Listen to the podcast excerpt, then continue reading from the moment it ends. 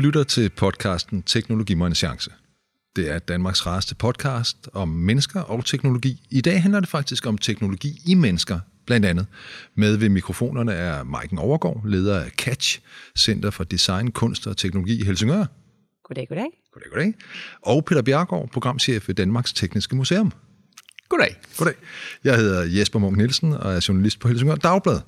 Jeg har læst, at øh, kloge folk påstår, at menneskerasen, som vi kender den, Homo sapiens, vil forsvinde i løbet af 100 år eller deromkring, på grund af den teknologiske udvikling. Vi mennesker bliver ikke udslettet af dræberrobotter eller den slags, men homo sapiens vil forsvinde, fordi vi vil forandres med teknologi. Vores kroppe, vores hjerner vil blive opgraderet med kunstig intelligens, med bioteknologi og meget andet.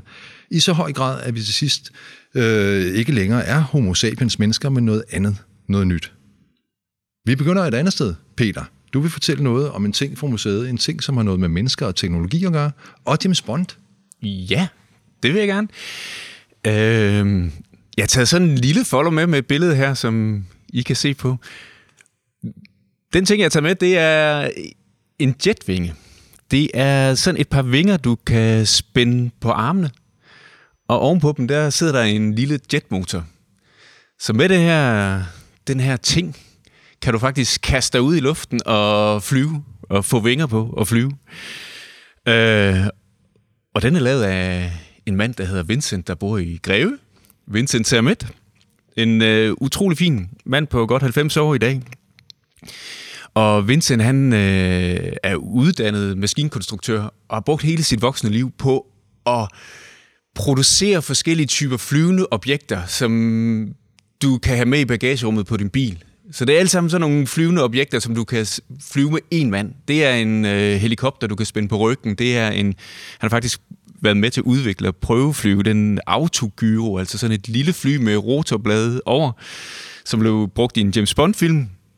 Og... og der vil jeg altså godt lige bryde ind og sige, det er jo ikke bare en James Bond-film. Det er jo Only Live Twice fra 1967. Little Nelly hedder øh, flyveren. Der kan man se.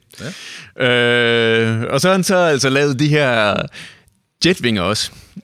Og, og man kan sige, for Vincent, der er det hele, han er bare, han er utrolig optaget af teknologi og udvikle teknologi. Han kan ikke lade være, altså her under corona øh, nedlukninger har han siddet derhjemme og udviklet to-tre nye flyvende objekter. Han er altså godt 90 år, så han bliver ved. Men det er egentlig ikke det med at flyve, der er så interessant for ham, det er at udvikle. Men når jeg ser den her jetvinge spændt på armene af et menneske. Så det, det, jeg kommer til at tænke på, det er den der med, hvordan vi bruger teknologien til egentlig at overskride vores fysiske begrænsninger som menneske. Altså, vi kan ikke flyve øh, som sådan, men med et sæt vinger og en jetmotor på ryggen, så kan vi pludselig gøre nogle ting, som vi ikke ellers ville kunne. Og det synes jeg er interessant, den der kobling mellem menneske og teknologi. Ser man det mange steder, Maiken? Ja, altså man kan sige, det Vincent gør, han, han, han, han realiserer jo den drøm, vi alle sammen har om at, om at kunne flyve øh, som fuglen.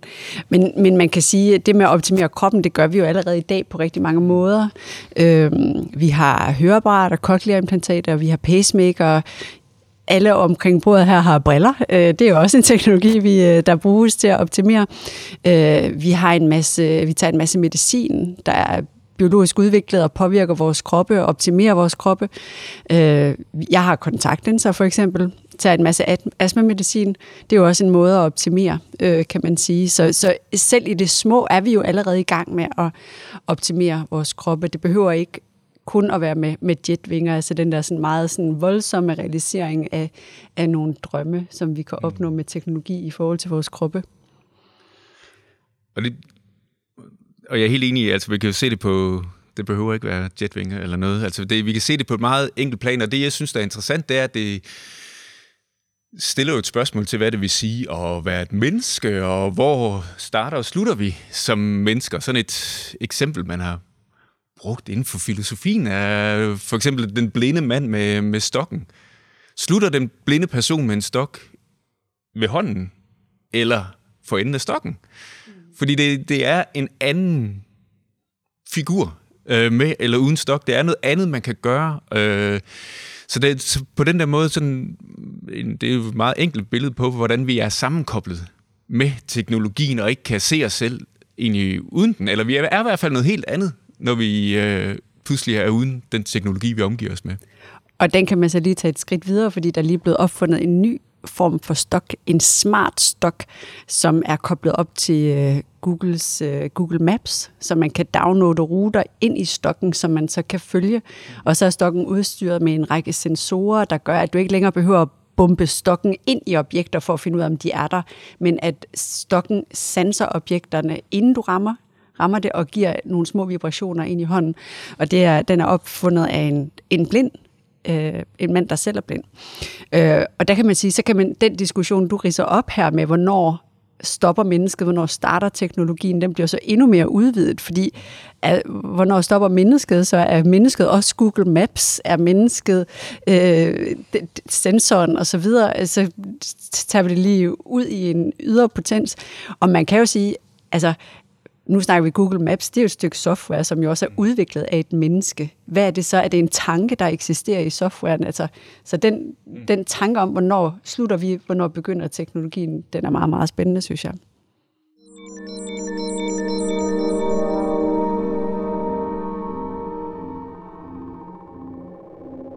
Og for at komme lidt øh, ned på jorden igen måske, så er vi, øh, har vi vendet os til i de senere år, at mennesker laver mere og mere om på sig selv de får løftet øjenbryn øh, og skyder Botox ind alle mulige steder. Men det er noget andet, som vi snakker om i dag, ikke også? Ja, altså man kan sige, det som du taler om der, det er jo, at man, man kan optimere og moderere kroppe ved hjælp af operationer, hvor vi selvfølgelig bruger teknologi til at udføre de her operationer, laser og forskellige former for scanning til at finde ud af, hvor vi skal operere osv. osv. Men det, der er anderledes her, det er, at vi snakker om, at teknologien bliver embeddet i vores kroppe, bliver en del af vores kroppe, øh, og det vi indopererer, det har et input eller et output, at vi bliver koblet til systemer, der ligger uden for vores egen krop, og måske i fremtiden til andre menneskers kroppe. Så det, det er, vi taler om en anderledes forbundethed. Et input og et output, der, der skaber en anden type forbundethed med, med, med, med ydre objekter. Og et eksempel, vi har realiseret her i Catch, det er, at vi samarbejdet med en kunstner, som er meget dygtig til at arbejde med elektronik og hardware og software, og hun udviklede en maske, meget apropos den tid, vi lever i nu, hvor vi alle sammen har mundbind på. Måske man kunne udvide mundbindets funktion øh, og bruge det til noget andet end bare at beskytte mod corona. Og det var i hvert fald det, hun havde gjort her, hvor hun havde... Øh, hvad skal man sige, sat en sensor, øh, bygget en sensor ind i en maske, man havde for ansigtet, som kunne registrere åndedrættet. Og så var det åndedrættets puls, som ligesom udgjorde inputtet. Og outputtet var så, at der var sensorer sat på enten din egen krop, hvis det var dig, der åndede, eller en andens krop. Sådan at du ved hjælp af dit åndedræt kunne aktivere sensorer, der skabte bevægelser på en anden krop eller din egen krop. Øhm, så i stedet for, at vi arbejdede med, at hænder kan skabe en bevægelse på en krop, så var det åndedrættet. Så vi ligesom fik forbundet kroppene på nogle andre måder. Hmm. Det er interessant med åndedræt, faktisk, fordi det får mig til at tænke på, at, at det her det er jo ikke bare det er jo ikke bare et spørgsmål om, hvordan teknologien påvirker påvirker kroppen. Det er også et spørgsmål om, hvordan den påvirker vores bevidsthed. Øh, så jeg har jeg selv engang lavet sådan et etnografisk feltarbejde i Indien med nogle maskedansere øh, fra en landsby ude i Østindien. Det lyder virkelig spændende, Peter. Og det var det. Men det, der var interessant, det var, at de, de, de, de danser med sådan nogle, øh, en slags papmaché-masker på. Og der er små huller til næseborene, der er huller ved øjnene, og det, de dårlige dansere vil sige, det er bare besværligt det her. Jeg bliver så træt, at jeg kan ikke holde ud og danse i 10 minutter med sådan en maske på. Den, den, den kender vi jo fra nutiden, kan man sige. Men de gode vil sige, jamen det her, den her maske, den gør så, den ændrer faktisk min bevidsthed. Fordi det er vanskeligt at trække vejret i den, så øver de sådan nogle yogiske åndedrætsøvelser, og blikket er fokuseret. Du kan ikke se det hele, det, det er helt ændret. Og det eneste, de hører, det er den her trommemusik, der følger, følger dansen. Så for dem betyder det egentlig, at de går ind i sådan en trance-tilstand, hvor du, og apropos forbundethed og koble op og sådan nogle ting, så kobler de nærmest op til hele universet. Så når du går ind i den her tilstand, så kan du se verden fra påfuglens perspektiv, eller fra prinsens perspektiv, eller fra en guddoms perspektiv. Øh, så, så masken som en teknologi er med til at ændre din bevidsthed og egentlig sætte dig i stand til at se nogle andre ting, du ikke kan i din normale øh, sådan fysiske tilstedeværelse. Og for dansen betyder det så, at du pludselig kan bevæge dig som en påfugl, eller som en prins, eller som en guddom. Så den der med, at det, det er ikke bare kroppen vi, som sådan og den fysiske påvirkning, det er, det er faktisk også vores bevidsthed, øh, vi manipulerer mm. på måder med teknologi. Mm. Ja, altså det kan være, at du skulle prøve at lave nogle workshops med det for tiden. Jeg tror, der vil være stort, ja. øh, stor efterspørgsel på, på, på, på øh, bevidsthedsudvidende maskeøvelser. Men, øh, men man kan sige, at det, det teknologien jo gør i dag, altså udover at du fortæller om de her kulturer, hvor man arbejder med, med, med hvad skal man sige, analoge produkter mm. til at opleve den her bevidsthedsudvidelse, så kan man sige, jamen, så er der andre steder i verden, hvor man arbejder med at, øh, med at udvikle chips, der kan mm. indopereres i vores øh, bevidsthed og faktisk ændre den. Øh, så det er ikke bare noget, man forestiller sig, eller hvad skal man sige, jeg, eller oplever mm. ved hjælp af, af, af den her trance-tilstand, men noget, der faktisk kan være en permanent tilstand i vores hjerne. Øh, og for ikke så lang tid siden, så præsenterede Elon Musk øh, nogle resultater fra hans virksomhed Neuralink, hvor man har indopereret nogle, nogle chips i en gris, der hedder Gertrud. og, og, og det, der er forskellen her, det er jo igen det her med, at vi bliver forbundet både potentielt til hinanden, eller med anden teknologi, så vi i princippet vil kunne styre vores computer ved hjælp af vores hjerne. Og det er jo fordi, vores hjerne består af, af elektriske impulser, og det kan man på en eller anden måde oversætte og forbinde via de her chips. Altså, nu lyder det som om, det er ekstremt enkelt. Det er meget, meget kompliceret. Øh, men, øh, men man kan sige, øh, noget af det, der, der, der har været øh, årsagen til, at Elon Musk er gået ind i det her og begyndt at udvikle de her, det er, fordi han mener, at den kunstige intelligens kommer øh, om ikke så længe, og den kommer til at få en meget, meget stor betydning for vores samfund. Øh, og hvis ikke vi begynder at lave de her chips og udvide vores kognitive bevidsthed osv., så, så øh, bliver vi bare sådan nogle øh, kæledyr til den kunstige intelligens. Så bliver vi bare sådan en kælekat, som er styret af den kunstige intelligens. Så han mener, at det faktisk er bydende nødvendigt, at vi begynder at arbejde inden for de her områder på grund af andre teknologiske udviklinger. Altså, at vi skal gøre vores hjerner større, for at den kunstige intelligens ikke overtager os? Præcis. Præcis. Øhm, øh, og, og det, altså man kan sige, han, han mener, det er nødvendigt, fordi ellers så sker der noget dårligt, at vi bliver sådan nogle kæledyr til AI. Øh, og der, så er der andre, der har en, altså hvor, hvad skal man sige, ønsket om at udvide vores kroppe kommer fra et andet sted, at man, at man mener, at man kan blive bedre mennesker faktisk. At vi kan ud, overskride grænsen for, hvad vi er i dag. Øh, og der er også en bevægelse, der handler om det, man kalder for transhumanisme. Altså, hvordan kan vi udvikle menneskeheden ved hjælp af teknologi? Øh, ja, så det... Og vi kender jo alle sammen forestillingen om om cyborgen. Altså det bliver jo nævnt tit, når vi taler om nogle af de her emner. Er vi allerede cyborgs? Er det allerede manifesteret sig?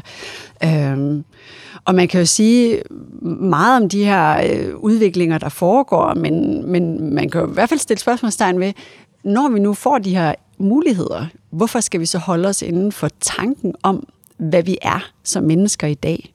Øhm, hvorfor skal vi for eksempel blive inden for de klassiske køn? øh, mand, kvinde. Det kan være, at vi skal udvikle noget andet. Øh, hvorfor, altså, hvad er det for nogle elementer i vores kroppe, der, der ligesom dikterer en bestemt kultur? Øh, og måske det kommer til at ændre sig, når vores kroppe ændrer sig. Så du forestiller dig, at der er sådan en helt, helt bred palette af, af køn og mennesker og alt muligt, som er, som er skabt Jamen, altså man kan sige, at det er jo allerede i gang. Altså vi har jo allerede en udvikling inden for, hvordan folk identificerer sig. Og det tror jeg da også er stedkommet af den teknologiske udvikling. At det er ligesom en, en, en noget, der påvirker hinanden.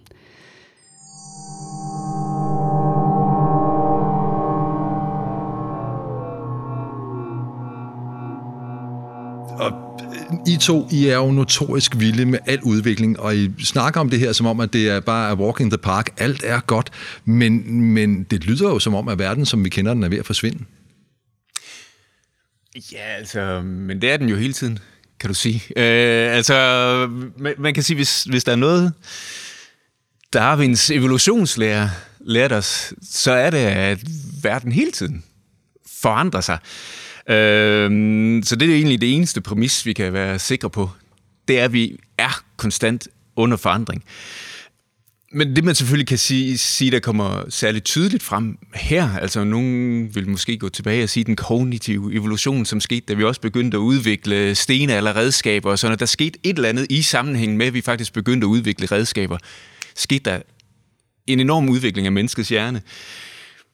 Men i dag bliver det i hvert fald måske endnu mere tydeligt, at vores øh, evolution hænger sammen med teknologien. Vi kan ikke tænke menneskets udvikling, ikke engang den fysiske, biologiske udvikling nærmest, uden at tænke den i relation øh, til den teknologi, vi sætter i spil og omgiver os med.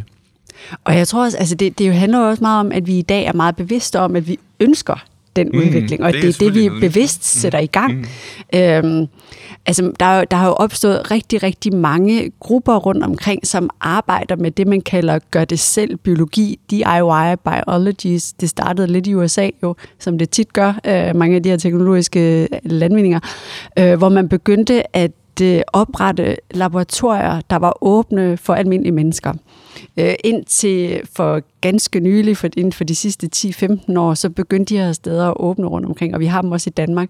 Og tidligere, der var det at arbejde med biologi, det var noget, der var forbeholdt øh, nogle meget bestemte grupper af mennesker i samfundet. Det var forskere på universitetet, eller forskere i virksomheder. De havde pengene til at u, altså, simpelthen bygge et laboratorium ud og øh, hente, købe alt det udstyr, der skulle til for at arbejde med biologi. Øh, og nu har man så fået de her sådan, øh, biologiske hackerspaces, hvor man arbejder med at øh, sekvensere DNA og så videre, så videre. Øh, det kan man lige gøre ned om hjørnet øh, og begynde at, at prøve at få nogle erfaringer med det, og det er altså en kæmpe forskel for, i forhold til for bare sådan 10-15 år siden, hvor det var et meget, meget lukket land.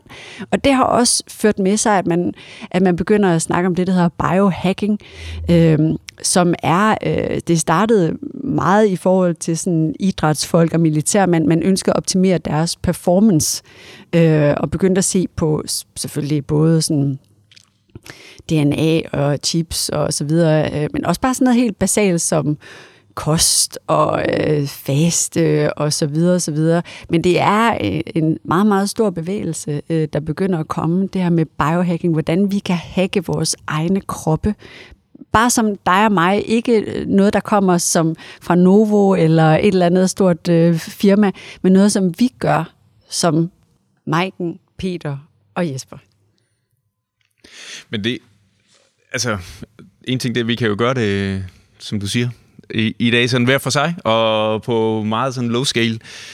Men det, det, det minder jo så også om noget, vi kan se andre steder fra, fra for eksempel fra, fra sportens mm. verden, hvordan man hele tiden øh, kæmper om at, om at optimere. Det, det, jeg synes, der er interessant i det, det er, der er jo også sådan en, et eller andet øh, skæld mellem... Øh, at noget kan være tilladt uden for kroppen, og noget, altså der er et forskel på, om vi gør noget, påvirker os selv uden for kroppen eller inden for kroppen. Altså vi er meget optaget af doping, og hvad, hvad sker der med EPO, og det ene og det andet, men uden for kroppen optimerer vi cykler, vi optimerer badedragter, vi optimerer alt muligt. Vi, vi har øh, Oscar Pistorius, som bliver født øh, uden knogler i, fra knæet og, og ned, men får de her proteser, som gør, at han faktisk kan stille op til et... Han, han bliver præsenteret som handicap-atlet, men han er jo, på nogle måder er han jo en cyborg og et overmenneske at stille op til sommer-OL for, for Sydafrika.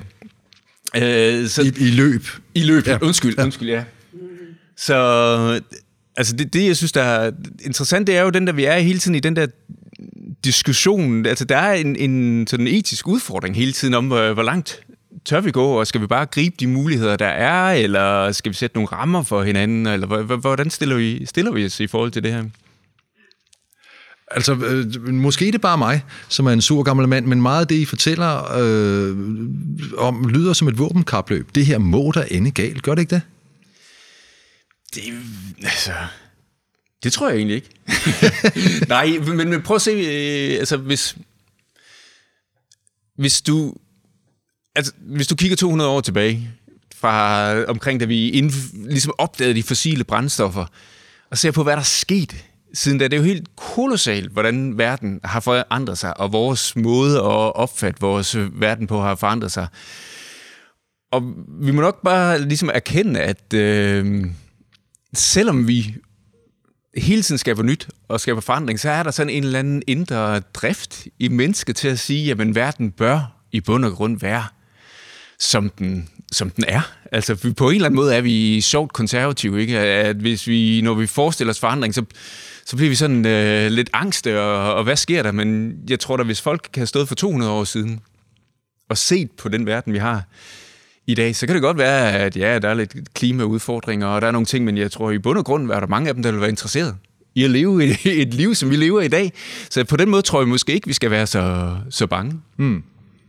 Du kommer også med eksemplet med, med flyvning, hvordan vi erobrede Jamen, luften, det, både den tætte ja, ja. luft og den luft meget langt væk. Lige præcis, altså det, og det er jo, altså det, det er jo interessant, det der sker også apropos det her med evolution, fordi når vi begynder at opbygge de her teknologiske systemer, så skaber de i sig selv ligesom sådan en ramme for, at, at udvikling bare kan tage fart meget hurtigere, end vi havde regnet med. Altså mennesket har i århundreder prøvet at lære at flyve, og i 1906 flyver Ellehammer, øh, jeg tror det er 43 meter øh, for første gang, øh, ret lavt over jorden endda. Og så springer du 60 år, så har vi, sender vi øh, rumkapsler i øh, ude i universet og i, øh, i orbit omkring, omkring jorden. Altså, når vi først begynder at opbygge de her systemer, så går det utrolig hurtigt. Øh, og der, vi vil jo helst ikke være foruden muligheden for at kunne flyve rundt og bevæge os, som have den mobilitet, som det har ført med sig. Det gør mig altså ikke helt tryg, jo. Øh, jeg vender tilbage til udgangspunktet. Kommer der et nyt menneske? Uddør homo sapiens? Øh, skal vi være bange? Altså, Ja, altså, i, nu præsenterer du os, som om vi bare var technofreaks. Ja, jeg kan godt være bange for, hvad der sker. Jeg vil også sige, jeg tror også, der er et eller andet, et eller andet menneskelig udfordring i at forholde sig til vores egen kropsbegrænsninger. At det faktisk er noget af det, det vil sige at være menneske. Men samtidig så så kan jeg se, at min far, han er en ældre herre, et gammelt menneske, samtidig er han en meget moderne menneske. Han, er, han har et hofteimplantat, han har skruer i benene, der gør, at han kan gå rundt. Og så har han sådan en øh, ICD, indarbejdet sådan en slags pacemaker nærmest, som gør, hvor igennem han er i fjernkontakt med det lokale sygehus, så de kan overvåge hans hjerterytme og ligesom tage fat, hvis der er et eller andet, der ser ud til at være galt. Så, så man kan godt have en eller anden romantisk forestilling om, at ah, men vi skal ikke manipulere med det her. Samtidig så er jeg jo personligt glad for, at han er, har de der, er blevet manipuleret med, kan du sige, på, på en måde. Mm.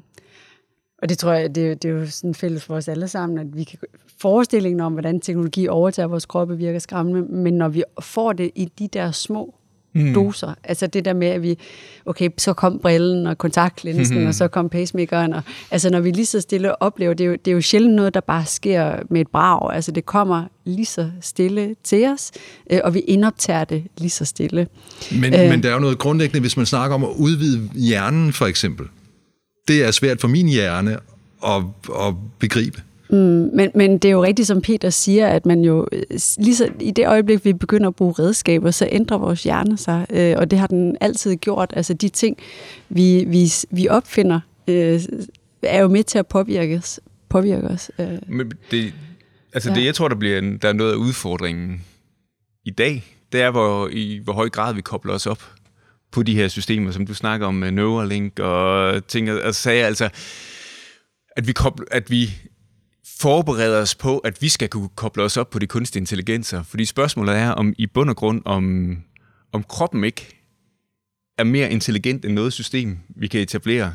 Og hvad sker der så, hvis vi kobler kroppen op til et system, der i princippet har enklere tilgang til information, men er mindre intelligent? Altså, så, så er vi måske på vej i en forkert retning man, man kan tale om intelligens, og man kan tale om kompleksitet, ikke? fordi øh, sy, altså, systemerne er jo ikke intelligente, det er en intelligens, vi giver dem, og sådan er det stadigvæk, og det er meget, meget vigtigt at holde sig det for øje, at de systemer, der bliver opfundet, er menneskeskabte. Øh, og selvfølgelig snakker vi om kunstig intelligens og, og programmer, der kan udvikle sig af sig selv. Øh, men stadigvæk er det jo os, der kontrollerer øh, øh, kontrollere det. Øh, men, men selvfølgelig kan man sige, at, øh, at øh, menneskekroppen er jo mere kompleks end teknologien, og det er jo også det, vi erfarer hele tiden. Altså, hvis jeg skulle svare på dit spørgsmål, øh, så vil jeg jo sige, jeg, jeg, jeg synes, at der er mange spændende ting. Jeg har lige siden jeg var barn, har jeg drømt om at kunne tale uendelige sprog og kunne kommunikere med, med, med øh, uanede øh, folkeslag og folk, jeg ikke havde mødt. Altså for mig, da jeg var barn, så var det noget af det, når jeg var ude at rejse med min familie og så videre, så var det det, der var øh, enormt nedslående, at man havde nogle af de der øh, kommunikative begrænsninger. Øh, men det er da klart, at hvis jeg får endnu bredere en chip, der gør det muligt for mig at tale alle sprog i verden, er der så noget, der forsvinder. Fordi der er kompleksitet i den menneskelige hjerne, og der er systemer og receptorer, som vi endnu ikke forstår. Så hvad sker der, når, når man indopererer sådan noget? Og samtidig kan man sige, øh, udfordringen i dag er jo ikke, at der er er meget stille og roligt omkring os. Øh, vi er alle sammen meget optaget af mindfulness og prøve at finde ro og natur og så videre, så videre. Så måske det, vi har brug for, det er ikke mere støj i vores hjerner, øh, men, men faktisk måske mere ro. Øh, men det kan være, det også kommer. At der kan simpelthen komme chips, der kan få alting til at stå lidt mere stille. Hvem ved? Og det må være et passende sted at slutte dagens øh, podcast.